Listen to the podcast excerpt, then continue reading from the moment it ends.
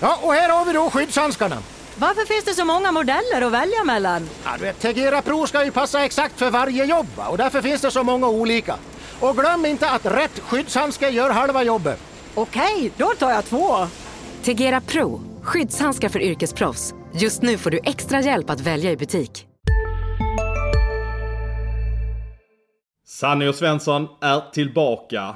Efter en lång sommar och ja, vi hade väl ett litet tjuvinspel där i augusti. Så nu tänker vi sätta igång på riktigt och jag ser en riktigt laddad 40-åring framför mig direkt från Karlstad.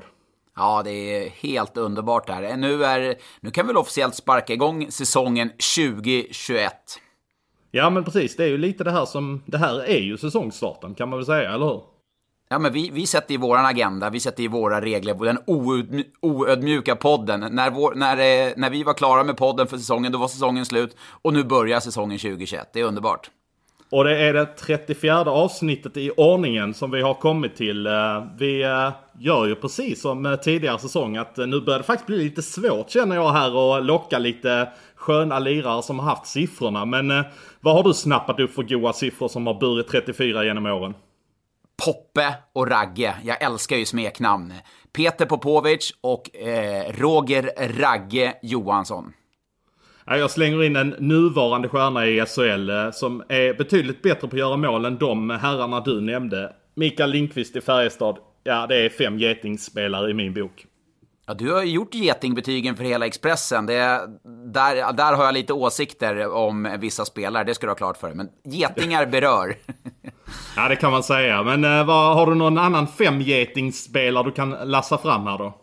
Ja, många femgetingspelare, eh, spelare, eh, målvakter. Joel Lassinantti, Daniel Hento Henriksson och Mikael Sandberg. Nu ska du få 5000 kronors frågan här.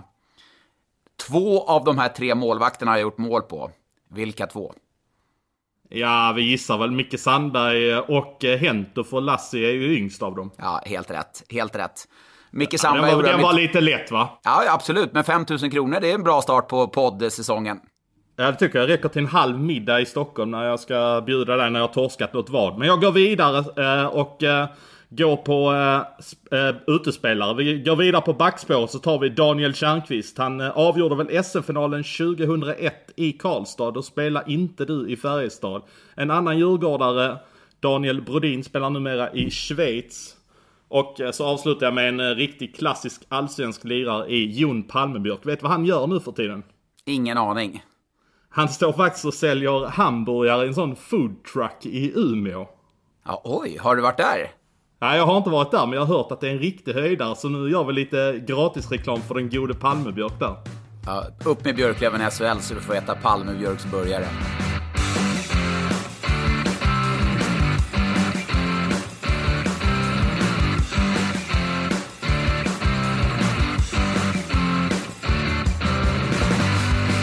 Ja, från Palmebjörks burgare så kastar vi oss över förra veckans, ja vi får väl kalla att det blev en stor snackis där på fredags eftermiddagen när eh, Linköping släppte iväg en ganska överraskande nyhet att eh, Jonas Gustafsson eh, tar en timeout från hockeyn. Vad blev din reaktion på det hela?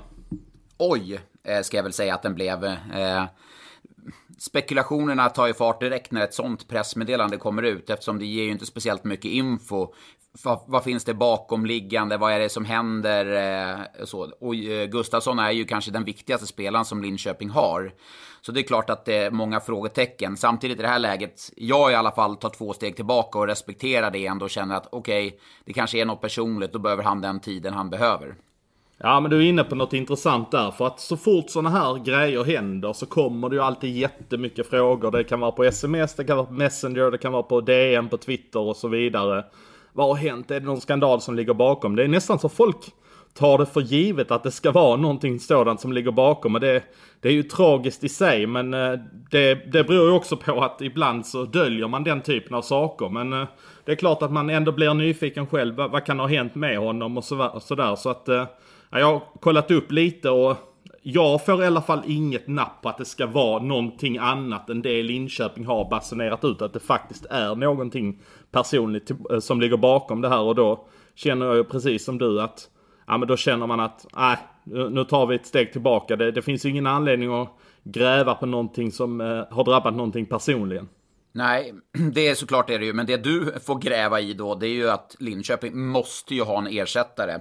Om det blir för resten av säsongen eller korttids, men man kan inte gå in i säsongen med bara Niklas Lundström. Och, eh, nej, nej, nej, nej, det kan man så... inte. Det som jag reflekterar över någonstans när jag läser pressmeddelandet är ju att Linköping mer eller mindre summerar en hel hockeykarriär. Och det, det fattar jag inte varför man gör i ett sånt läge. Det är kanske jag som övertolkar saker och ting. Men varför ska man, när man basunerar ut att en målvakt tar en timeout. Varför ska du summera hans senaste tio år i karriären?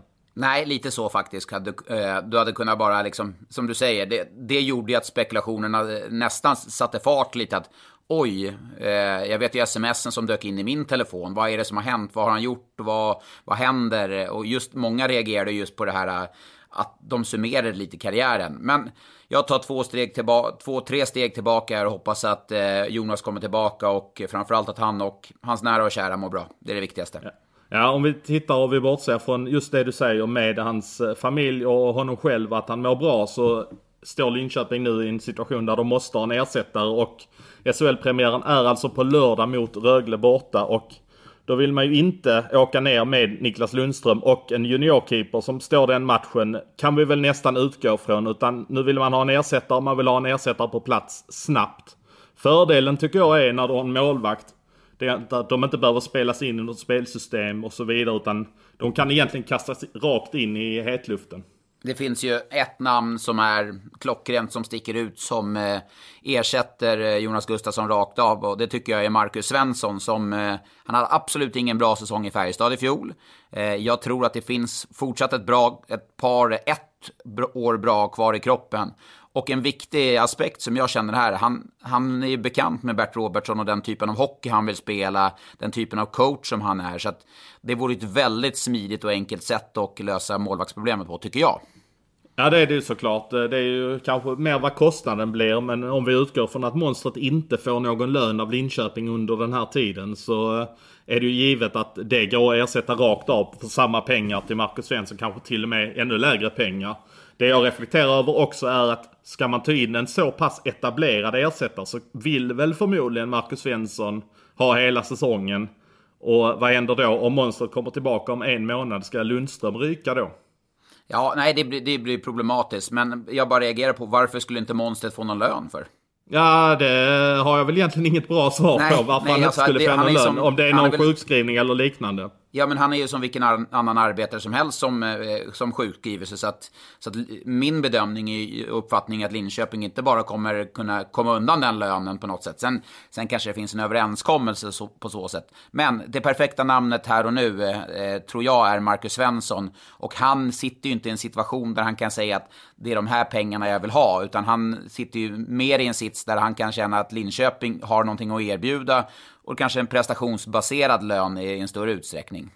Ja, och då, eh, men då kanske det får bli att man tar det på ett korttidsavtal på honom och så får han visa upp sig lite grann från en stark sida och så får han ta det vidare därifrån. Men eh, annars får man väl kanske om man bara ska ha en kortsiktig lösning om man vet att ja, Jonas kommer vara borta kanske en månad då kanske det är mer åt Christian Engstrand eller Robert Jensen eller någonting i den stilen. Ja, men hur funkar det där när man, eh, man får ju ersätta spelare på korttidskontrakt. Men man kan inte med vem som helst liksom. Eller hur, hur det där rent eh, praktiskt faktiskt funkar. För det finns ju regler, någon, någon oh ja. form av tyst överenskommelse. Oh ja, alltså det är ju definitivt så. Eh, det finns ju faktiskt ett exempel som jag stötte på här för en, vad kan det ha varit, två veckor sedan någonting. Som jag frågade Patrik Sylvegård här, hur ska du göra med Mattias Lassen? Tänker du ersätta honom med någon spelare eller liknande? Och Mattias Lassen är ju en sån back som kanske har 45 000 i månaden, 50 000. Och då är väl överenskommelsen att du inte kan plocka in precis vad som helst för att ersätta en sån spelare. Utan då får det ju någonstans vara kanske Anton Mülleri eller någonting i den stilen som ersätter. Jag vet att det fanns någon liten förfrågan. Kan vi försöka få Patrik Hersley som tränar med oss och, och skriva på för en månad så att vi fyller ut under tiden. Och då eh, hörde i alla fall jag att de fick nej på den frågan. Att även om de inte hade dealat med Hersley så ville de ändå ta frågan med SHL först om det var möjligt. Men då hade jag kunnat köra, när man körde knattehockey när man var liten, när tränaren var med. Så tränaren fick inte skjuta eller tränaren fick inte göra mål. Man hade kunnat gjort någon sån deal då med Hashley att du får komma och spela men du får inte skjuta för, eh, men, vid men vad är offensiv Patrik. Astley bra på då? Nej, men då kanske han blir Mattias Lasse. Men du, vem, om de hade ringt mig då, vem hade jag varit jämbördig med i SHL och kunnat ersätta? Är det någon spelare eller? Ja, det beror på om vi tittar efter vad du tjänade eller vad du presterade.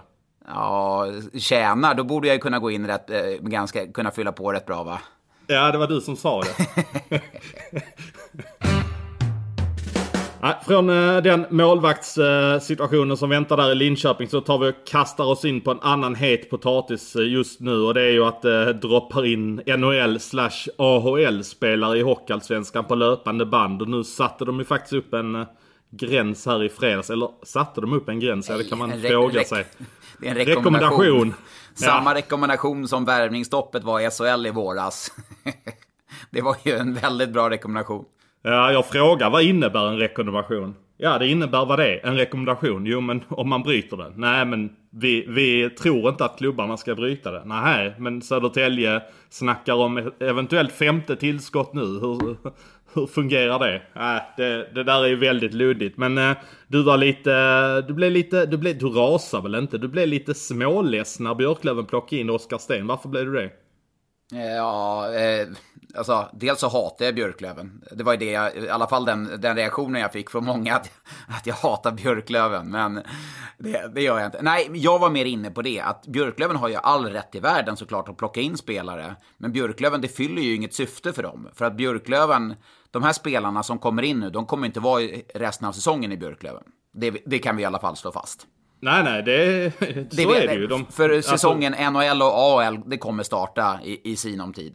Det jag menar då att, att spelare som ska nu få utvecklas under, under hösten fram till jul och ta det där steget som Andreasson tog i fjol i Björklöven, som eh, eh, han Aktell där, vad heter han? Eh, Har det Herman Aktell, ja. Exakt. Alltså do, den typen av spelare som tog såna här jätte, jättekliv under första halvan. Nu kanske de får liksom eh, stå tillbaka lite, komma ner i hierarkin.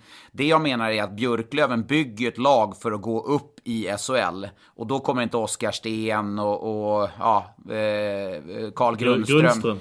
Men jag köper Carl Grundström, för att det är ändå en Umeå-kille. Det är liksom, han har säkert drömt om att få komma tillbaka till Björklöven och spela. Det, alltså det är ju på något sätt helt rätt, för, missförstå mig rätt då. Men Oskar Sten som är en jätte, jätteduktig spelare som jag gillar skarpt, var, vad ska han upp dit och göra? Det är, för honom är det bra, men för Björklöven på sikt, nej, det, det, jag tycker att det är en helt onödig värvning för Björklöven. De kommer vara topplag oavsett. Ja det kommer de såklart. Och jag är ju precis som du är inne på att det här kändes... Min gräns passerades någonstans där när man hade sett allting flyga in fram och tillbaka där. Och nu... Eh, jag tror inte de har gett upp eh, hoppet om att få in Lukas Wallmark. Han har inte skrivit på något nytt avtal där eh, just nu borta i NHL. Men eh, det är lite som Grundström hade ju inte skrivit på något nytt avtal med Kings där. Och, eh, så fort Wallmark har skrivit på, om inte det avtalet blir alldeles för dyrt eh, så, eh, så kommer han också landa i Umeå och tänk dig att de kan ställa upp med Wallmark som första center och så Grundström och så Sten på varsin kant på det då. Ja, men det, det, hade ju, det hade ju varit kul. Och det, det, det är också så här, hade du kunnat fyllt hallen, det hade varit publik, att det hade blivit något sätt en attraktion för hela hockeyallsvenskan. Men det kan vi slå fast, att det kommer inte komma publik i, i någon större utsträckning, vilket gör att Björklöven som skulle ha slutsålt varje match med de här spelarna, eh, de, de får ju inte det. Och när de åker till Tingsryd och alla andra lag så blir det liksom en jäkla hype. Det blir det ju inte på, på, på det sättet. Sen eh, i början tyckte jag det var kul, ja, men jäkla kul att de här spelarna kommer. Men någonstans måste man sätta, ja, inte kanske en rekommendation, men en gräns. Vilket å andra sidan kanske strider mot den fria arbetsmarknaden, jag har full förståelse för det. Så när Almtuna plockar in fyra spelare och helt plötsligt förändrar sig från ett bottenlag till att vara ett topp 8-lag så är det okej då?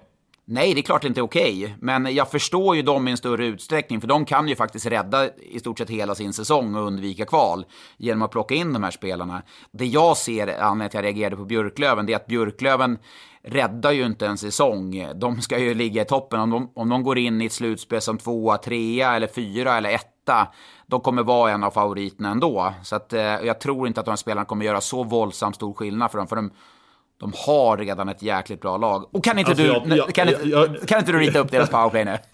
Nej, inte, inte powerplay, men eh, jag skulle faktiskt nästan kunna sträcka mig så långt så att jag säger att de eh, kan vinna ganska många matcher uppåt tvåsiffrigt. Alltså möter de Väsby hemma så, eh, och du sätter upp eh, de där NHL-spelarna så kör du eh, nordamerikanerna i en kedja och så kör du typ Olle Liss och eh, Ottosson och eh, Gustav Possler i en tredje. Då fattar du att det kan springa iväg rätt ordentligt. Ja, nej, men så, så kan du göra, men eh, ah, ja, en rekommendation, ja, en gräns kanske hade varit ännu bättre.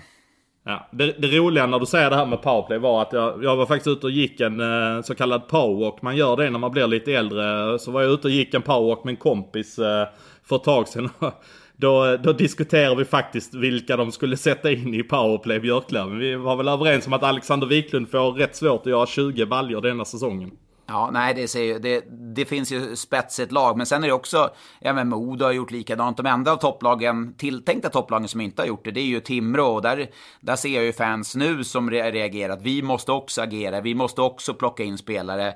Personligen känner jag, ha is i magen. Jag tror att när man bygger ihop ett lag, sammansvetsar en grupp, eh, så kanske det är bättre att våga avstå. Jag tror Timrå kommer ha eh, ligans bästa powerplay ändå. Där vi ändå summerar det här eh, med Dahlén och, eh, och det gänget. Ja, nej, det ser ju bra ut. Hur, hur sätter du upp den powerplay-uppställningen nu här Ja men den är väl egentligen ingen skillnad från eh, förra säsongen. Det är väl uh, Hartman, uh, Löke, uh, Dahlén, Albin Lundin och så Hardegård där uppe va? Ja, nej, det är, det är ju det är ju bra. Det borde ju bli än bättre den här säsongen. Det är ju försäsongen, har, ja, den är på väg att avslutas, men den har ju varit i full färd här och det är ju lag som har sett riktigt, riktigt bra ut, en del lag som har sett sämre ut. Oskarshamn, Linköping, Malmö har blandat och gett, vann visserligen 101 000 i Skoda Trophy. Det är, det är fina pengar. Brynäs, ja, jag såg dem mot Leksand, inte bra. Växjö, haft mycket sjuka skadade. Djurgården, ja, det är ju... Vad kan man läsa ut av en försäsong? Ja, det är Ingenting det skulle jag vilja säga. Nej, det är ju det. Alltså, av vissa lag kanske man kan läsa ut lite. Jag tror ett lag som Oskarshamn mår ganska bra av att eh, få en bra känsla med ny tränare och så vidare. Ett lag som Malmö mår säkert också bra av det. Eh, det är klart att du vill ha en bra känsla. Eh, man vill ju inte ha en sån som Robert Olsson hade med Djurgården att, att man Nej. får att man får de 10-1 även om det... Det är ju ingen som kommer ihåg det om de vinner de tre första matcherna i SHL. Men man vill ändå ha en bra känsla. Det som jag kan oroas över till exempel när det gäller Växjö och Leksand och sådana lag som har en väldigt, väldigt bra första kedja är att efter den första kedjan så ser det ju inte alls speciellt bra ut. Visst, Leksand har ungdomarna som Heinemann och Åman. Men det man vet med sådana killar är att de är ojämna förmodligen. Ja, men samtidigt, jag- har ju sett att det här har gått igenom alla lag nu här de senaste veckorna.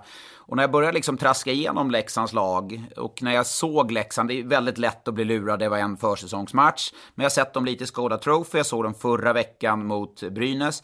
Då har du Heinemann Åman och så har du Patrik Zackrisson. Och den jäkeln, jag menar, han åkte mer skridskor i ett byte än man gjorde på hela förra säsongen. Han ser ut, han ser ut som en helt ny spelare. Och när du får en, en, en lagkapten, rutinerade spelare mellan dem som kan driva på, och så har du första kedjan.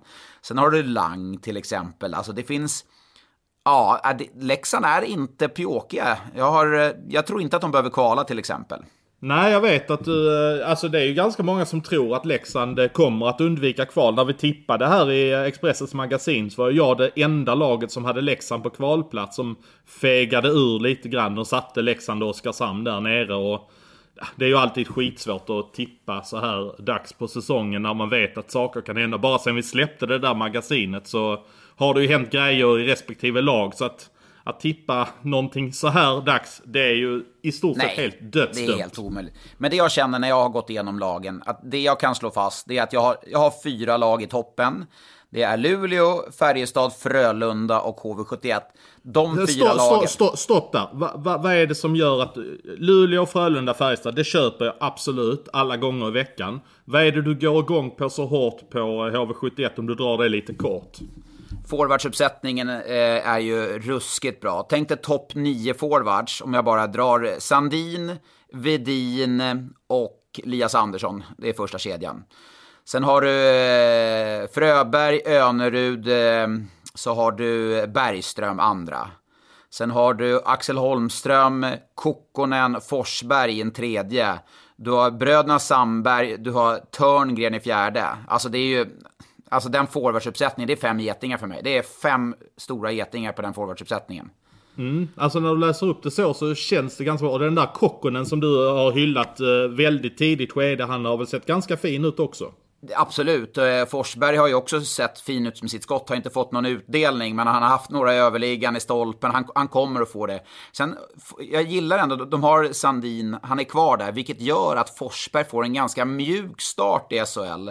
Han är inte första uppställningen i powerplay, vilket gör att gör han inte mål så kommer inte folk börja kritisera, han kommer inte själv fundera, utan han, han får gå bakom Sandin lite, han kommer att göra mål, han kommer att göra poäng och sen kommer Sandin lämna och då kommer han eventuellt få en större roll och framförallt vara bekväm i SHL. Så jag, jag tycker HV ser skitbra ut och backuppsättningen där, är också, där har de en bättre balans i år. Eh, du har två uttalade toppbackar tycker jag i form av Kinnvall och Martinsson.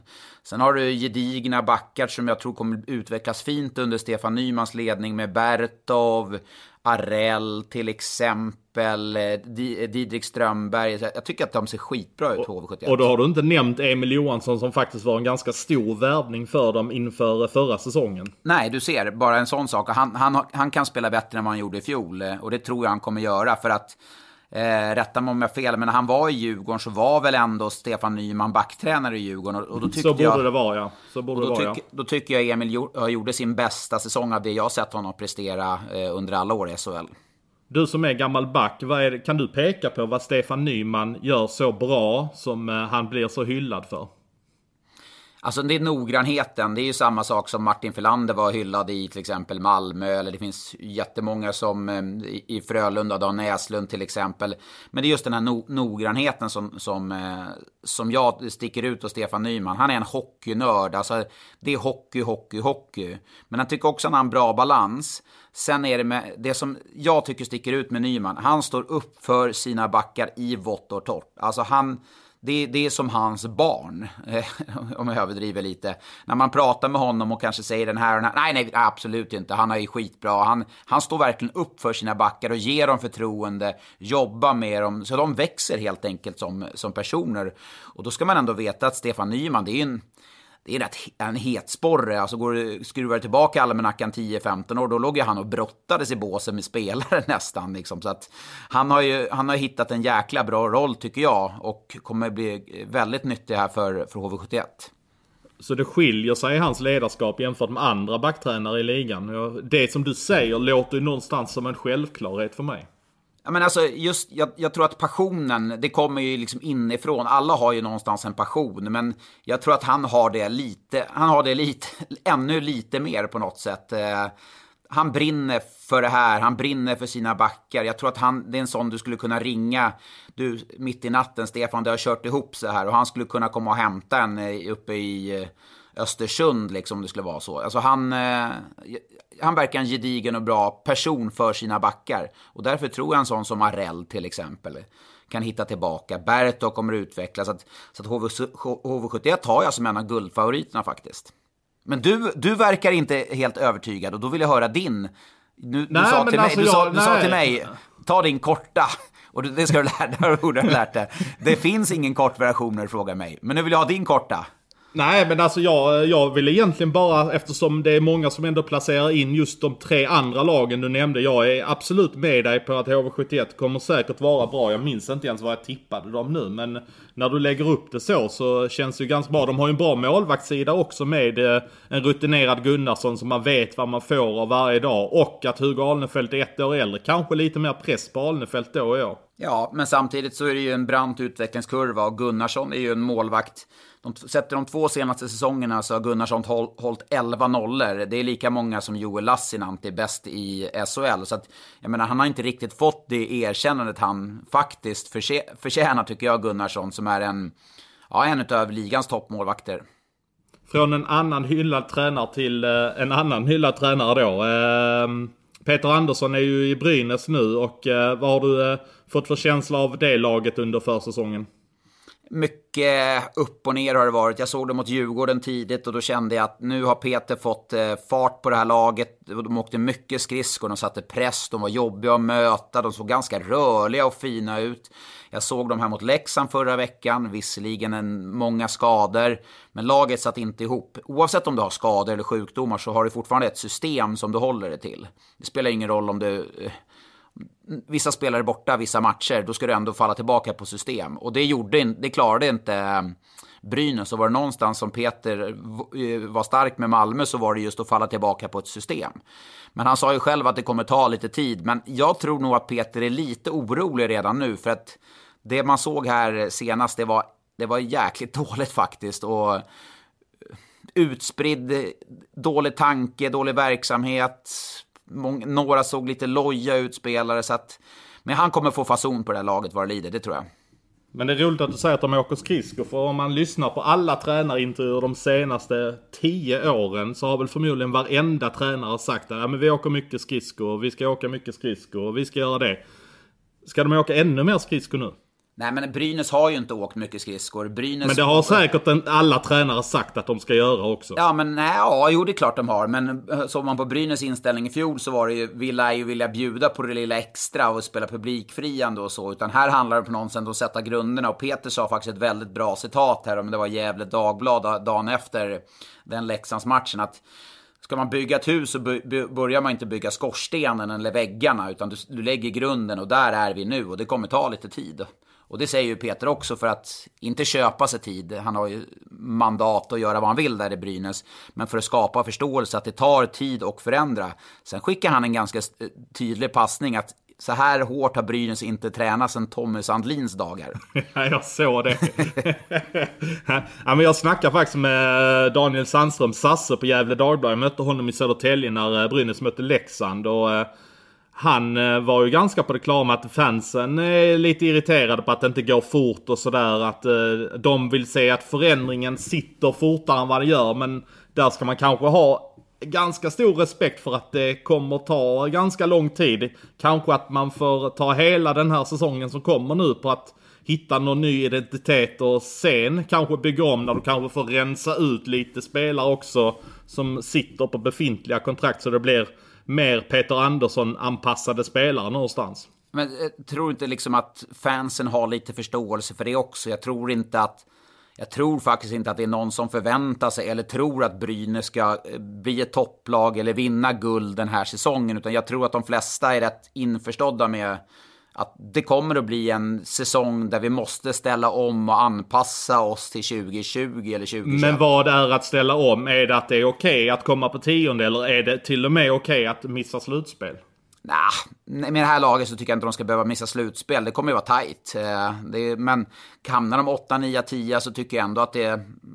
Och man ser det, är ju, framför... det är ju ett steg upp om de hamnar 8, 9, 10 ju. Ja, och, se, och framförallt måste man se till vad befinner vi oss nu och var är vi på väg. Att man ser liksom en, en utveckling. Och det favoriserade ordet, det är en process.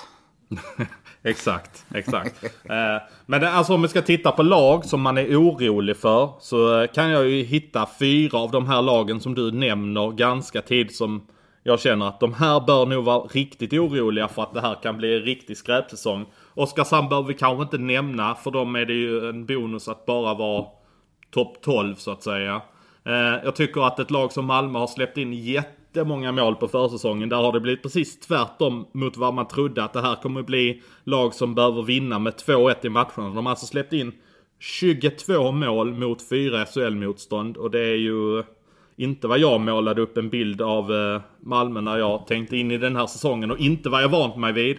Sen har vi Linköping där det känns lite skakigt eh, så här långt. Och så har vi Växjö som jag tycker efter den där första kedjan så ser det tunt ut. Jag blev förvisso imponerad av den här Eronen som eh, kom in ja, här. Han såg fin ut faktiskt. Ja, jag tyckte han, eh, han kan nog sluka mycket istid i det laget. Ja, och framförallt eh, så har han... Eh, eh hockeyspelare pratar om stuk. Eh, det betyder att man ska se ganska bra ut när man spelar. Det ska vara snyggt tejpat på benskydden, byxorna ska sitta bra. Eronen när han spelar Jokerit, jag såg honom någon gång, det såg ut som att man kastade på utrustningen. Byxorna var för stora, de var uppklippta, damaskerna hängde dåligt tejpade. Det såg jag ingenting av nu, så det var en positiv överraskning. Jaså? Ja, för sånt kollade jag på. Är inte snyggt stuk att kunna alltså dansa fram på isen lite grann som Anton Öhman gör när han äh, åker skridskor. Han har ju ett bra stuk ju. Ja men det är stuk i, i skridskoåkning. Sen måste ju grejerna sitta bra. Tejpen måste ju vara perfekt tejpad. Skridskorna, alltså det liksom, kan inte åka runt med trasiga skridskosnören. Jag kommer ihåg Anton Grundel eh, i Färjestad. Han kom upp, eh, skulle spela mot Frölunda borta och jag skulle alltid spela med de här unga spelarna. Då kom han upp och tränade och han hade gult och ett vitt skridskosnöre. Då bytte jag då, då bytte jag, det där, det där får du inte spela med. Han bara, vadå då? Du kan inte spela med ett gult och ett vitt skridskosnöre. Så tog jag bort det gula och satte på ett vitt. Så han fick i alla fall åtminstone spela med två vita snören. Gick det bättre då eller? Han såg ju bättre ut i alla fall. Vad fan, det, det kan inte åka runt och spela, det, det finns ju inte. Det, det fattar alla som. Men Eronen, eh, tillbaka där, en positiv överraskning. Men Växjö är ett lag som jag är väldigt osäker på den här säsongen, när man har gått igenom alla trupper. Men du, du, du stoppade inte till vid Djurgården, eller avbröt jag dig? Vad känner du kring Djurgården då, när du såg dem till exempel i Skoda Trophy? Ja, men jag tycker att Djurgården, det ser ändå lite bättre ut om man tittar. De, har, de hade någon match på försäsongen där de fick gå med tre kedjor borta mot Lind. Hej, Synoptik här. Visste du att solens UV-strålar kan vara skadliga och åldra dina ögon i förtid? Kom in till oss så hjälper vi dig att hitta rätt solglasögon som skyddar dina ögon. Välkommen till Synoptik. Just nu pågår vår stora season sale med fantastiska priser på möbler och inredning. Passa på att fynda till hemmets alla rum, inne som ute, senast den 6 maj. Gör dig redo för sommar. Välkommen till Mio. Köping och sådär. Tycker ändå att eh, de har lite intressanta yngre spelare, William Eklund, Berzelius och de här spelarna som ändå tuggar på underifrån. Och eh, jag tycker inte man ska vara så orolig för jag tycker ändå Djurgården har ett tillräckligt bra lag för att det inte ska behöva bli inblandade i någon sån strid. Robban har varit där länge. Men mycket hänger ju såklart ändå på att Jakob Josefsson är med. Det kan ju någonstans vara skillnad på att vara 10 i tabellen och topp 6. Ja, eh, jag satte ju dem som 12 och det är väl kanske lite i det värsta laget. Men jag tror att det kommer bli väldigt jämnt mellan lag 8 och 12. Eh, det, det, kommer kanske kunna skilja enstaka poäng. Så att Djurgården kommer lika gärna kunna hamna 8 som 12. Så det, det, är, det är svårt där. Men det som är tydligt för mig i tabellen, tycker jag, det är topp fyra eh, som framförallt sticker ut. Där bakom kommer det bli tufft. Jag har Oskarshamn längst ner. Jag har faktiskt Malmö där. Även om jag tyckte att de gjorde en bra förändring när de skickade Majer som, som inte man märkte under försäsongen, även om han trivdes väldigt bra i Scaniarinken. Det såg man ju. Det såg man. Ja, absolut. Ja, men jag, jag har faktiskt lite inside där och det det är vad jag har hört lite grann nu efter att det inträffade. Nu ska man ju inte snacka skit om en spelare som inte kan försvara sig. Men det är att... Jo, gör det. Gör det. Ma, ja, men, jag har hört faktiskt att han... Att de var lite less på att han inte bet i i träningen. Och det började redan på sommarträningen. Han fick tillsägelse efter tillsägelse att du måste gå 100%. Vi är ett hårt arbetande lag. Du måste stämpla in varje dag här för att sätta tonen någonstans. Och de tjatade och tjatade men det blev aldrig någon rikt, det där riktiga lyftet för honom utan det var lite för bekvämt och då blev de less på det till slut. Ja, men då är det ju... Malmö ska ju ha en identitet och sätta den här, eller fortsätta på det som Peter har byggt och kanske förfina lite. Och då går det ju inte att ha, när man har det laget som Malmö har, som jag tycker är ett, på pappret, eh, hårt jobbande lag ska det vara. Inte något tekniskt eh, briljant lag. Då måste ju alla chippa i den aspekten. Så att har det varit så så är det ju klart oundvikligt. Ja, Medan jag har suttit hemma i soffan och tittat på hockey, som många andra, så har ju du sprungit runt i hockeyhallar mer än aldrig förr känns det som. Du var i Strömstad. Bra jobb förresten med eh, Adam och Johanna och hela gänget där i eh, Expressen TV. Skitbra faktiskt. Det, man... ja, det, var, det, var, det var väldigt roligt att göra det. Och, uh... det, det, det, tänker man inte på, som ni också förmodligen har när ni jobbar på Simor att ni har ett jäkla team bakom er som nästan aldrig lyfts upp i rampljuset. Alltså vilka jäkla proffs som jobbar med produktionerna. Ja, det, det, är ju... Nej, jag älskar det här gänget bakom kameran. Det är ju, de är ju underbara, vilket jobb de gör. Och de får ju oss framför oss se bra ut genom att göra heads-up vad som kommer nästa och vad man ska prata om, sådana grejer. Med, och bilder och så. Så att, eh, jätte, jättebra. Men så var det ju på Skola Trophy, du har väl sett någon match i Malmö.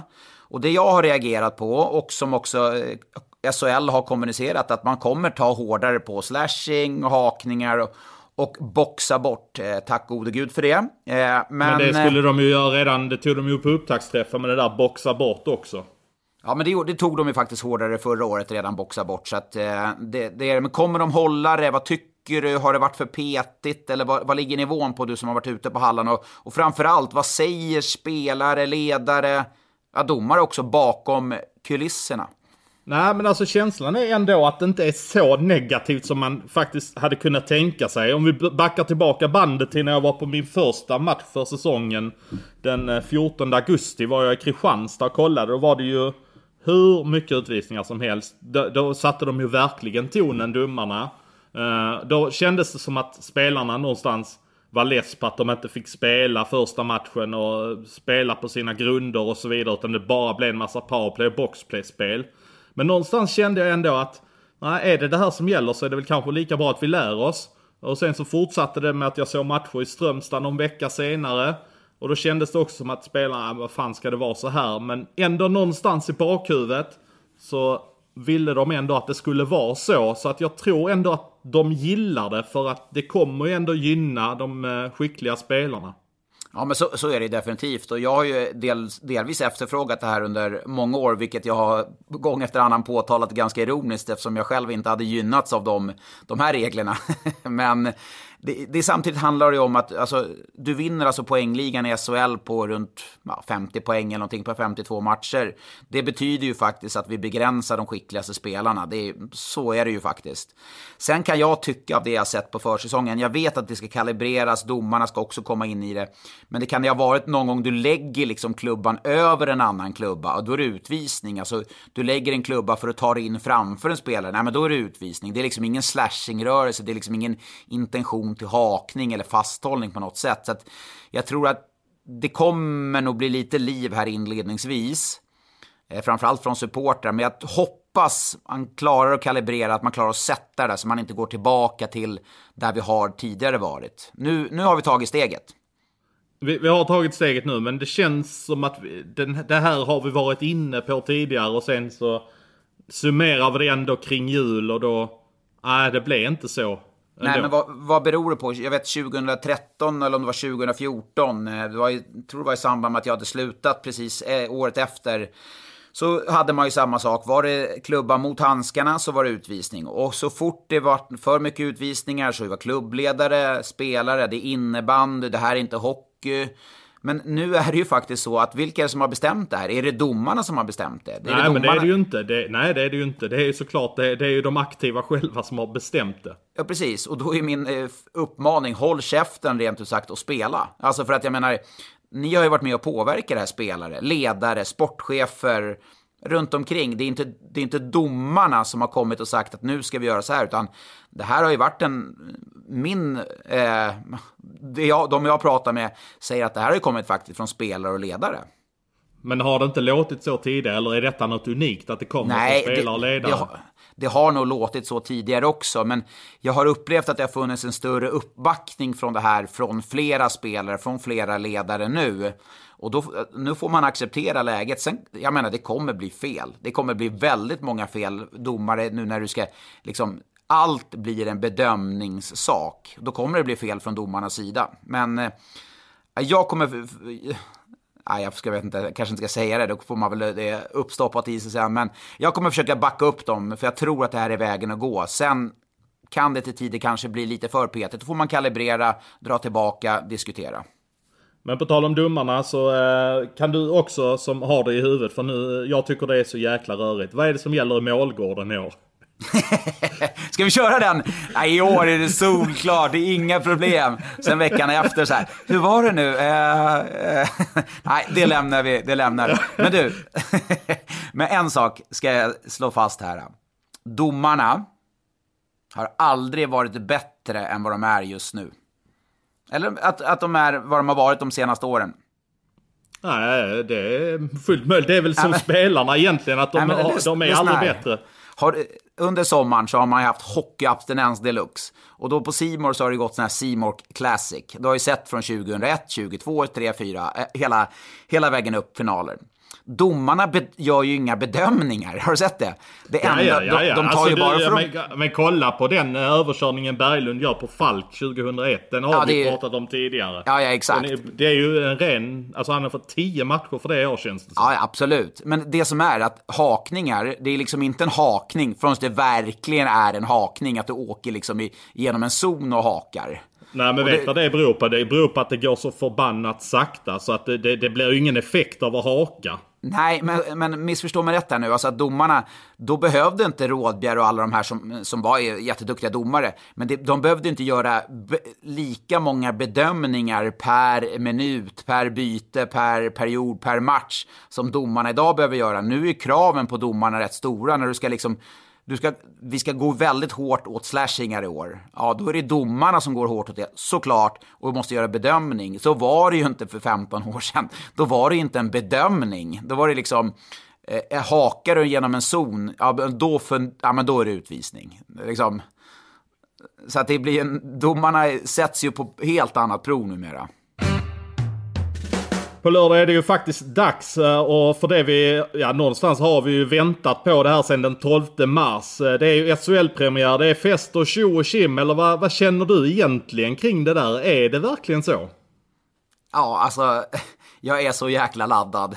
Eh, jag vet att det kommer bli annorlunda. Jag ska ner till Göteborg och göra Frölunda mot HV71. Det kommer att bli annorlunda. Det kommer att bli spöklikt i Skandinavien såklart. Men det ska bli så jäkla roligt med tävlingsmatcher, med hockey, med sport som gäller någonting. Folk, jag vet att folk vill vara på arenorna, men det kan ändå skänka glädje. Det blir förväntningar, det blir snack på jobbet. Eh, den här spelaren, vad tror vi om den och vad, hur blir det? Alltså hockeyn, den berör och den lever och det är jag så himla glad att det drar igång faktiskt. Ja, alltså det blir lite svårt att jämföra med den där sista omgången av eh, SHL som vi såg i våras eftersom det ändå var ganska mycket avslagna matcher som inte gällde någonting. Vi var ju så på en match i Ängelholm som absolut gällde ingenting. Eh, så vi, vi kan inte riktigt jämföra med den matchen som, eh, med det som kommer nu. För nu är det Nej. alla lagen är nollade och står på noll poäng. Nu går vi för att vara bäst över 52 omgångar. Men när vi, när vi satt där på, um, efter eh, Rögle mot Malmö i sista omgången, när vi, när vi satt på hotellet därefter, vi, vi visste ju att det här kommer ju läggas ner. Alltså det var ju så uppgiven känsla. Nu har man ju ändå en känsla att nu drar det igång. Sen är det klart, du ser vad som har hänt i Hockeyallsvenskan med, med klubbar, eh, Hockeyettan som har fått ställa in matcher, ställa in verksamheten. Det är ju en jäkla orolig tid eh, som väntar.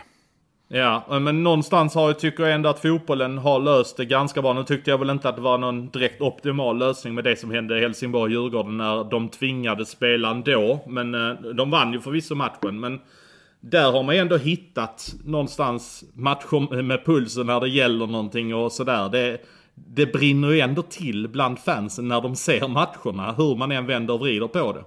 Ja, och det engagerar. Alltså man, man samlar ett kompisgäng, man, man tittar på matcherna, man... Alltså, precis, det, det är engagemanget, det är förväntningarna. Även om du kan vara på plats så är det ändå ditt lag kommer vinna eller förlora. Sen är det såklart, när, när det är omgång 15-20 och om det är möjligtvis med begränsad publik, då är, sätts det i ett annat... Alltså, då blir det lite jobbigare eh, på så sätt. Men här i inledningen ska det bli skitroligt och spännande och ovisst och allt vad det nu, alla klyschor heter. Ja men verkligen och sen så har man ju faktiskt ändå någonting att se fram emot. Vi ser ju ändå lite ljus i tunneln att det ska lossna på ett eller annat sätt från den första oktober. Sen om det blir i väldigt liten skala till att börja med. Då är det ju ändå någonstans bättre än vad det är idag jag ser Schweiz har ju haft en eh, ganska, eh, ja, det kom ut siffror under förra veckan hur mycket publik det skulle vara i, kunna vara i alla arenor. Och där hade du ändå från upp till mellan 3 till 6 7 tusen på arenorna. ja, jag få... tror att det var Zürich som eh, fick ta in 66 procent av sin kapacitet. Och de har ju en arena som tar 11 500 12 000. Ja, precis. Så att jag menar, det finns, skulle ju på sikt kunna finnas förhoppning för att Får vi in eh, publik den här säsongen och halvfulla arenor så är jag mer än nöjd kan jag säga. Eh, jag, jag är som sagt, som vi var inne på förra gången vi hade poddavsnittet, att jag är skeptisk till publik eh, sett över hela säsongen faktiskt. Ja, jag vet inte om du såg ett klipp som eh, det tyska laget Union Berlin hade från en träningsmatch när de hade publik på matchen. Alltså jag fick ju rysningar bara av att se publik som väsnades in i hallen. Jag fick lite rysningar så Linköpings match i lördags kväll mot eh, Växjö och när de stod och drog lite ramsor 30 man på sittplats där. Fan vad gött det är alltså. Ja, nej, men det är ju härligt. Men det trodde jag inte om dig. Du, du tycker är bra när Leksand auktionerar ut till högstbjudande restauranggäster och så. Du har ju tappat helt ditt eh, hjärta på ståplats. Det är ju... Ja, tydligen har jag ju inte det. Alltså, det, det rös verkligen inom mig. Men du sparkar in öppna dörrar istället så går jämnt ut för, för, ja. för oss då. Ja, ja, visst. Öppna dörrar bara för att jag hyllar Oskarshamn. Ja, för att jag, nej, men det tycker jag Oskarshamn gjorde bra och bjuder in eh, Blue Front, deras supporterklubb där. Det är viktigt. Eh, jag menar, står man inte upp för sina supportrar nu så kan man inte komma krypande sen och be om pengar eller någonting. Utan man måste ta hand om Nej, sina du har ju givetvis en poäng i det. Det är, faktiskt, eh, det är faktiskt fler klubbar än Oskarshamn som har, eh, som har tagit in fans på det sättet. Så att eh, det är klart, det finns ju fördelar och nackdelar med det. Men jag tyckte ändå Leksand gjorde, det var ganska bra att göra det. Jag tror det var någon, någon fan som betalade 1400 spänn för en biljett på Leksand-Brynäs och eh, uh, var fullt nöjd med det. Ja, ja, men det är sant. Och Leksand vann ju, så då gick den eh, personen hem, eh, om man nu höll på Leksand, det vill säga nöjd. Men du, inte, en, inte ett poddavsnitt utan att man, något form av avslöjande vill jag faktiskt ha. Du, du kan inte ha gått och lagt av det helt under sommaren. Nej, men äh, det, det, är ju faktiskt ganska dött äh, just nu. Äh, vi vet ju att Linköping ändå jagar en målvakt och när jag pratade med Niklas Persson så lät det väldigt överraskande för honom att han i princip inte ens hade börjat jobba med att hitta en ny målvakt. Och om det inte har hänt någonting här under helgen så så står de väl kvar i det läget. Han har ju naturligtvis börjat jobba mer. Men eh, jag vet ju faktiskt att HV jagar ju en, eh, de jagar en ny back på korttidskontrakt i alla fall. Eh, så det är väl i princip vad det finns att tillgå just nu. Sen är det väl den eviga frågan med Ryan Lash. Eh, senast vi poddade så eh, hörde vi ju att eh, Färjestad eh, hade visat lite intresse och ehm, det vet jag att de hade gjort även vad, oavsett vad Jakobsson sa. Nu får de in Joakim Nygård så nu är det ju inte alls aktuellt att lyfta in honom i dagsläget. Men eh, Lash är for, fortfarande på marknaden och det är ju en intressant spelare som finns kan man ju säga. Men du, när, när vi är inne på Ryan Lash då, vad är det senaste eh, kring, kring honom? Är det SHL, KL, Schweiz? Vad, vad hör vi? Jag tycker det har varit ganska mycket fladder fram och tillbaka om Lash där. Det har ju varit snack om Färjestad och Frölunda finns ju säkert alltid med i bilden. Och eh, det var ju tre schweiziska klubbar där ett tag. Men det senaste jag hörde här nu i helgen var att eh, där faktiskt finns... Eh, ja, Frölunda är ju alltid aktuella för honom såklart. Eh, men jag har faktiskt hört att HV är lite småsugna på honom också. Eh, för de kommer ju tappa Sandin här eh, framåt eh, hösten. Och eh, att få in Ryan Lash hade ju gett en enorm spelskicklighet laget. Det är inte samma, det är inte en målskytt som Sandin på det sättet. Men det är en writer du kan slänga rakt in i powerplay. Så det är ju intressant. Sen eh, vill ju Lash naturligtvis till Ryssland först och främst. Så det är ju, han sitter väl ganska lugnt i båten som dagsläget är nu. Eh, intressant. Lash till HV71. och ett, ett, HV71 som jag redan har hyllat. Men det, det är såklart mycket som ska mm, ska, ska in där, eh, passa in innan den eh, värvningen är i hamn såklart. Men du, eh, vi ska gå på frågor här eh, alldeles strax. Men jag är, måste säga att jag är jävligt besviken på det för att tala klarspråk. Väldigt, oj, väldigt, oj, oj. Ja, men väldigt besviken. Ja. Jag har ju sett att du har läst magasinet här, eh, där du har haft en stor roll. Och det är inte därför jag är besviken, för du har, du har gjort ett jättefint jobb. Men jag läser på Linköping, topplista, fyra favoriter med Johan Svensson i Linköping. Ja, kör. Mm, jag citerar. Då har du dina fyra favoriter. Pajen. En av de mest färska sportcheferna, Niklas Persson, kastades i stort sett rakt in i rollen som sportchef. Nu vet jag Och vad du ska gnälla på. super, den supertrevliga tidigare lagkaptenen har satt ett fint avtryck och gjort en av de starkaste prestationerna bland sportcheferna under årets Nu, nu, nu, nu, blir, nu blir jag alldeles svettig här. Alltså. Nu blir det upp till spelarna att leverera. Alltså på ungefär eh, uppskattningsvis 250 tecken om man nu mäter i journalistspråk eller hur man nu säger 200, så har du fått in sportchef tre gånger. Han är väl, jäv... han är väl ingen sportchef? Vad är han? Vad är Niklas Nej, Persson? nej jag, jag skäms. Säg du det istället för att jag kan ju uppenbarligen inte det. Ja, men han är general manager. Tre Precis. gånger. En av de färskaste sportcheferna, Niklas Persson. Eh, rakt in i rollen som sportchef. Starkaste prestationer bland sportcheferna. Alltså jag, jag, jag, jag hänger inte med. Jag, jag är så besviken. Du har inte lärt dig någonting på första säsongen. Nej, jag sitter här och bara åh, jag svettas. Uh, usch. Ja. Ja. Nej, det där får, du- det får du ta till Det, det ska inte faktiskt. upprepas. Ska inte upprepas. Nej, men tänk alla våra trogna lyssnare som sitter och läser här. De, de vet ju inte vem han är när det står sportchef. Nej, Men de vem- får... eh, nej, nej, usch, usch. Ja, det var dumt att du sa det. Vi håller ju faktiskt på att sälja det där magasinet fortfarande. Så att nu kanske inte folk köper det. Nej, nej det, det, det blir nog svårt. Men du, Expressen i övrigt har ju haft en stark silly season också. Eh, Adam Johansson. Eh, har du lyssnat på senaste podden med eh, Staffan Kronvall? Jag har faktiskt inte gjort det, men jag ska göra det. Eh, jag, har, jag har haft sällskap på mina promenader, så att jag har inte gjort det. Men jag är trogen lyssnare, så det är absolut ingenting du behöver vara orolig för. Det, det fina med Adams poddar är faktiskt att de är tidslösa, så att eh, det är inte någonting du behöver lyssna på på studs. Och nu kommer de ju faktiskt ut varje torsdag, så att nu måste jag lyssna innan torsdag när nästa kommer ut. Ja, jag tycker att det är jättebra. Det, det säger vi inte för att Adam är en av oss i vårt lag på Expressen, utan vi pratade om honom redan i fjol när han hade sin eh, puls, eh, på Hockeypuls där, eh, mittmedia. Men eh, kul med Adam och härliga poddar, så då har vi ännu mer Expressen Hockeypoddar att lyssna på. Ja, och vår ska väl komma ut varje måndag hade vi tänkt. Och så kör Adam på torsdagarna. Så att det blir lite täckning ja, hela veckan i stort sett. Ja, hockey, hockey, hockey. Ja, men nu går vi över, rakt över till frågor. Ja, som alltid när vi eh, skickar ut frågan på söndagar så ramlar in intressanta frågeställningar eh, och eh, skickar vidare en direkt till dig här Johan. Erik Persson frågar, det är väl mer riktat mot dig tänker jag. Har ni några rimliga och möjliga spelare som kan ersätta Händemark?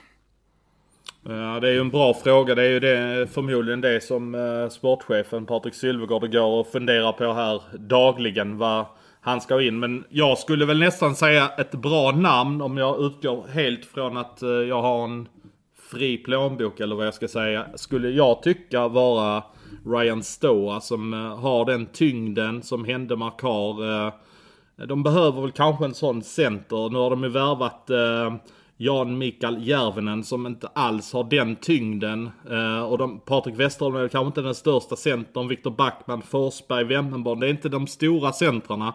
Så jag, jag tycker i alla fall att de behöver en stor och tung center. Då tycker jag att Ryan Stoa är ett bra namn om han är tillgänglig för rätt pengar. Det är, ett, det är ett bra namn. Det är Ryan Stoa är ett bra namn. Men det för mig in på Birk Rigelman, som eh, ofta är med och ställer frågor. Han frågar om NHL-lånen som Bromén, Nygård, Händemark med, flera. De vässar ju lagen enormt och kan bidra till mycket viktiga poäng för lagen i starten. Såklart viktigt och kul att se dem, men spekulera, vad händer när de drar i november? Jag tänker hierarki, PP-uppställningar och mera. Eh, och jag fyller på lite där. Värvningar, de måste kanske ersätta de här spelarna.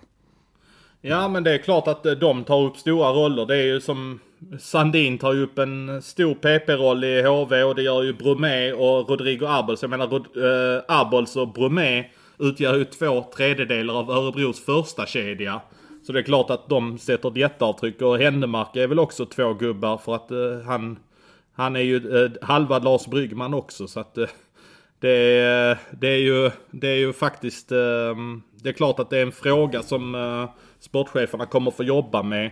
Om man tänker Djurgården och Björnfot så kanske inte det blir lika påtagligt som eh, det blir på de andra. Utan det är ju väldigt olika hur eh, pass tongivande de är.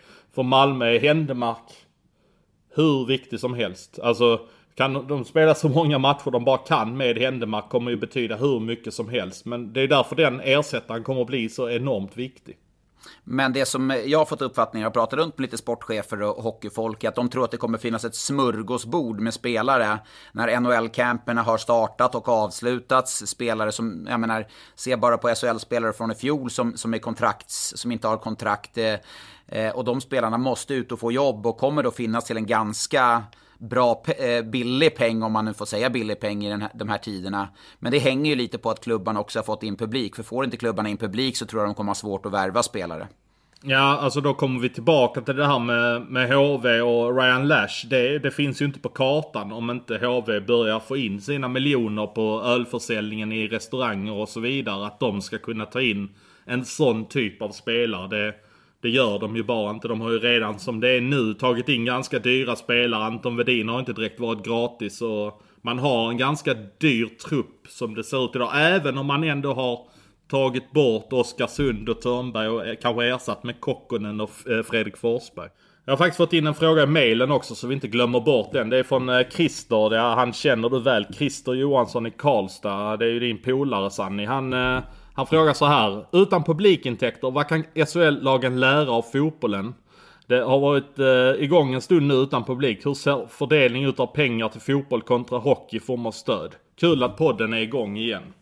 Eh, och där, där är det ju faktiskt så att, eh, det kan vi ta direkt att eh, de har ju utlovat en miljard till eh, idrotten här eh, på det som kom för tre, fyra veckor sedan någonting. Eh, och där känner jag att första halvan där av dem, den miljarden. Det kommer ju gå eh, på kvartal tre och där kommer nog fotbollen sluka ganska mycket känner jag. För att de har ju varit utan publik här sedan i juni. Eh, så det är väl mer på kvartal fyra som hockeyn kan få ta del av lite pengar känner jag. Eh, jag tror också att det man ska ha respekt för väldigt mycket, jag tror att det kommer gå väldigt mycket till breddidrotten också. Eh, jag tror eh, topp och elit har tappat absolut supermycket pengar. Eh, det är inget att, prata, inget att snacka om. Men så som svenska systemet är uppbyggt och så, så tror jag breddidrotten kommer, kommer få en rätt stor del och behö, välbehövlig del. Så jag tror inte att SHL-klubbarna eller fotbollsallsvenska klubbarna, de ska inte förlita sig, vilket de inte gör såklart, missförstå mig rätt. Men det kommer gå väldigt mycket till breddidrotten här, i det här, de här pengarna, det tror jag. Ja absolut och man kommer också ta hänsyn i könsfördelning och sånt eh, som man inte gjorde på de tidigare utdelade pengarna. För då blev det väldigt mycket till herridrotten. Det kommer man ta hänsyn till här på denna miljarden som kommer nu. Och eh, det kommer inte ersätta de pengarna som man har förlorat. Tittar man bara på HV som drar in en miljon på en hemmamatch eh, så kommer inte de få 12 miljoner om de bränner 12 hemmamatcher. Det har jag, det har jag väldigt svårt att se i alla fall. Nej, så är det ju. Och det här är en eh, knasigare övergång har vi nog aldrig haft i podden. Från eh, miljarder till eh, Joakim Sundbergs fråga. Vilket eh, lag har den snyggaste matchstället i SHL eller i ligan? Ja, det naturliga att svara på den frågan är ju Brynäs. Men det är ju ganska tråkigt svar. För jag tycker faktiskt att Brynäs har gått ner sig på, i alla fall på hemmastället. Tycker jag att eh, jag gillar inte eh, de vita siffrorna utan jag gillar faktiskt de gula lite bättre. Men borta stället tycker jag har fått sig en rejäl uppgradering när man eh, eh satte dit de gula och eh, röda revärerna där uppe så att säga. De har ju haft svart och gult på bortatröjorna utan man har ju återgått till hur tröjorna ser ut på 90-talet lite grann där uppe på revärerna. Så det tycker jag är skitsnyggt. Men tillbaka till frågan så kan jag tycka att ett lag som HV har ganska snyggt ställ, ganska rent eh, med eh, en snygg tydlig logga på, eh, på matchdräkten. Leksand har naturligtvis, alltså de har fått in ganska snygga detaljer i tröjan med något Leksands mönster i kragen och Ja, de har väl någon Leksands logga på armen också på tröjan. Så att, jag tycker faktiskt ganska många lag har snygga tröjor. Luleå har också väldigt snygga tröjor tycker jag. Jag såg Djurgårdens tröjor här eh, i slutet av förra veckan komma ut eh, med, en bild på deras tröjor. Nu ska det på reklam visserligen där, men jag tyckte att den tröjan var väldigt snygg. Alltså den här SHL-tröjan, inte nu träningsmatchtröjan som de haft, utan SHL-tröjan. Vad tycker du om träningsmatchtröjan då? Nej, nej, jag gillar den inte riktigt. Det är inte Djurgården himmelsblått för mig. Är all, himmelsblått är alltid snyggt. ja, om det är fotboll ja. Om du håller på Malmö. Men eh, eh, Peder Wiklund frågar också en fråga. Jag älskar att det dyker in mycket frågor. Hur bra är Viktor Berglund? Kommer han kunna ersätta Sellgren rakt av? Träningsmatcherna har jag blivit mycket positivt överraskad av. Och jag håller med Peder Wiklund. Eh, klart att man har sett eh, Viktor Berglund i Modo, men eh, han har sett väldigt, väldigt bra ut tycker jag. De, de eh, fåtal matcher ska jag visserligen säga som jag sett i Luleå dock. Jag har faktiskt bara sett Luleå i ja, någon halv match här och det var ganska tidigt på försäsongen som jag såg det. var då eh, Pontus Sjölin och eh, någon annan eh, back som inte kommer få spela powerplay. Ja, just spela det. 5 mot 3. ja. ja, det, var, det var tidigt på säsongen. Ja, då är det tidigt. Ja, vi tar en fråga till då. Eh, från Linus Harper. Undrar om man säger Harper eller Harper. Om han är någon polare eller brorsa till Shane Harper. Men eh, stanna upp lite där. Shane Harper, det är ju en bra spelare som är ledig på marknaden. Oh ja, oh ja. Alltså det är ju en uh, jättebra ytterforward. Alltså, han, uh, han hade ju kunnat gå in och leverera i alla SHL-lag. Han kanske bara går och väntar på någon skada eller liknande. Harper kanske är en ersättare för Sandin på sikt i HV då. Ja, eh, ska de ha både Lash och Harper eller? Ja, det blir kanske lite väl va. Nej, men vi tar den från eh, Linus. Vi säger Harper. Han är ja. uh, Shane Harper. Han är släkt med Shane Harper. Han är uh, rätt, alltså om man ser på bilden där, om man tittar på Linus Harper på bilden liksom. Han har ju solbriller på sig. Han känns ju som en Harper liksom. Det, det tycker jag känns rätt då. Han har det. Han har det stuket så att säga. Ja, det tycker jag. Ja, han får ja. vara Harper. Ja, eh, men frågan från eh, Mr Harper är, vet ni, eh, vet någon av er vad lån från NHL kostar? Då kan jag väl svara i alla fall vad jag har hört från eh, de här lånen som är i Hockeyallsvenskan att det är klart att det varierar men det är ju i stort sett försäkringen som man eh, behöver ta på de här spelarna och tittar man på en sån som exempelvis Rasmus Asplund som har kommit in i Västerås så hörde jag att den kostade 18 000 kronor för hela säsongen för att han sitter på tvåvägsavtal eh, där eh, det är värt 70 000 eh, dollar för eh, säsongen. Så att eh, det är inte lika dyrt att försäkra som eh, 2 miljoner som det var någon om det var eh, Adrian Kempes avtal som var jättedyrt att försäkra. Ja, nej, det beror på hur kontraktsvärdet... Eh, ju större kontrakt de har borta i NHL såklart, så ju dyrare är det ju. Men så på så sätt så kan man väl försvara där vi inledde podden med eh, NHL-lånen, att det kanske är eh, förhållandevis billiga, sett eh, till den kvaliteten man får. Ja, det kanske blir så att man inte riktigt har råd att säga nej till dem, utan eh, det finns ju faktiskt en del sådana spelare som finns på marknaden, som till exempel Jonas Johansson, målvakten som tillhör, är det Buffalo han tillhör? Före detta Brynäs eh, Almtuna målvakt. Eh, son till, eh, vad heter han i Brynäs? Eh, Johansson där, han som spelade SM-finalen 93. Per Johan Johansson hette han va? Per Johan, är det hans 21 ja. Ja, exakt. Han som hade 21 innan Ove Molin hade den. Ja, du ser. Du kan, du kan din hockeyhistoria. Men en sak som du får rejäl bakläxa till, det vet du vad det är va? Ja, vi, vi pratar inte om det mer, utan vi säger bara GM. GM, bra. Ska vi avsluta där eller? Vi, nu, nu börjar vi varma i kläderna. Ja, ja, nu, eh, nu är vi redo för uh, ny säsong. Så vi, vi hörs igen nästa måndag helt enkelt.